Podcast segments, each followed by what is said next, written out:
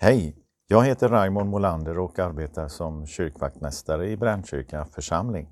Idag är det första söndagen efter trettondagen och tema är Jesu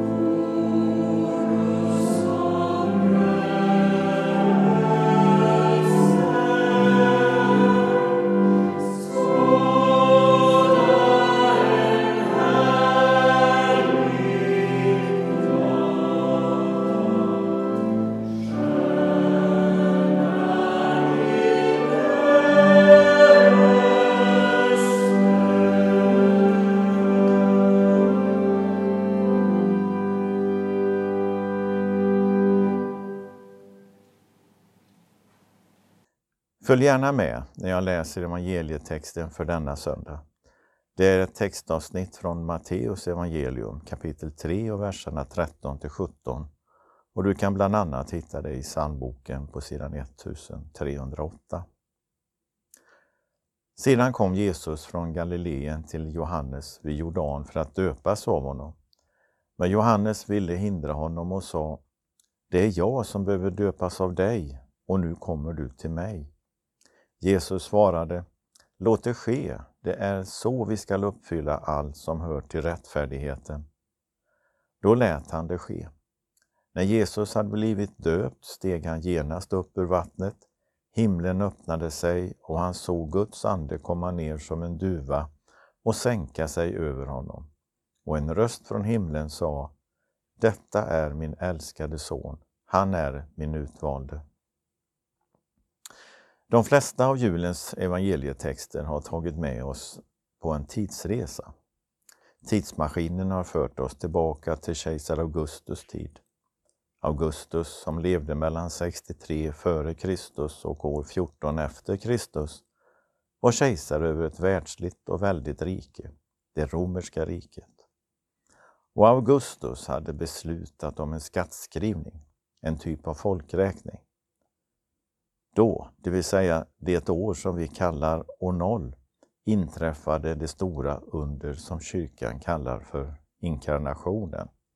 Gud blev människa. Gud blev människa i det lilla barnet som fick namnet Jesus. Gud skrek och jollrade. Gud åt och drack. Gud kissade och bajsade. Gud var ett värnlöst barn, en trotsig treåring, en skolpojke, en bångstyrig tonåring, en yrkesman. Så kom den dagen då Gud skulle bli offentlig. Den kände predikanten och debattören Johannes döparen samlar stora skaror. En dag kommer Gud gående och säger ”Jag vill döpas”. Nej, nej, nej, säger Johannes döparen. Jo, säger Gud, låt det ske. Gud har längtat efter den här stunden. Nu har Gud som människa för avsikt att träda fram att med sitt liv i ord och handling, ansikte mot ansikte med andra människor, berätta om sig själv. Och vi läser om hur Guds vi, det är vi som i tidens början sa vi ska göra människor som vår avbild lika oss, låter rösten ljuda. Den skapar röst som i begynnelsen sa var det ljus kommer med en hälsning till mänskligheten och fredens duva vittnar symboliskt om grönska. Det är en ny tid. Det dop som vi i texten fått bevittna ligger till grund för ett av Svenska kyrkans sakrament. Du känner kanske till att Svenska kyrkan har två sakrament, nattvarden och dopet. Aposteln Paulus undervisar om att det barn som föddes på julnatten är den andra Adam. Alla dör genom den första Adam. Alla uppstår och får nytt liv genom Jesus Kristus. I dopet välkomnas vi att bekräfta det nya livet. I dopet bekräftas undret. Rösten från himlen sa, detta är min älskade son, han är min utvalde.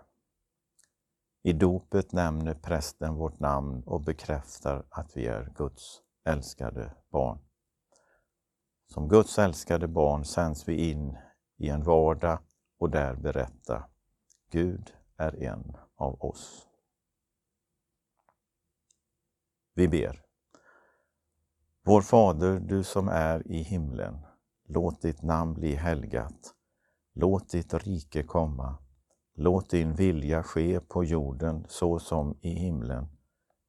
Ge oss idag det bröd vi behöver och förlåt oss våra skulder, liksom vi har förlåtit dem som står i skuld till oss. Och utsätt oss inte för prövning, utan rädda oss från det onda. Ditt är riket, din är makten och äran i evighet. Amen.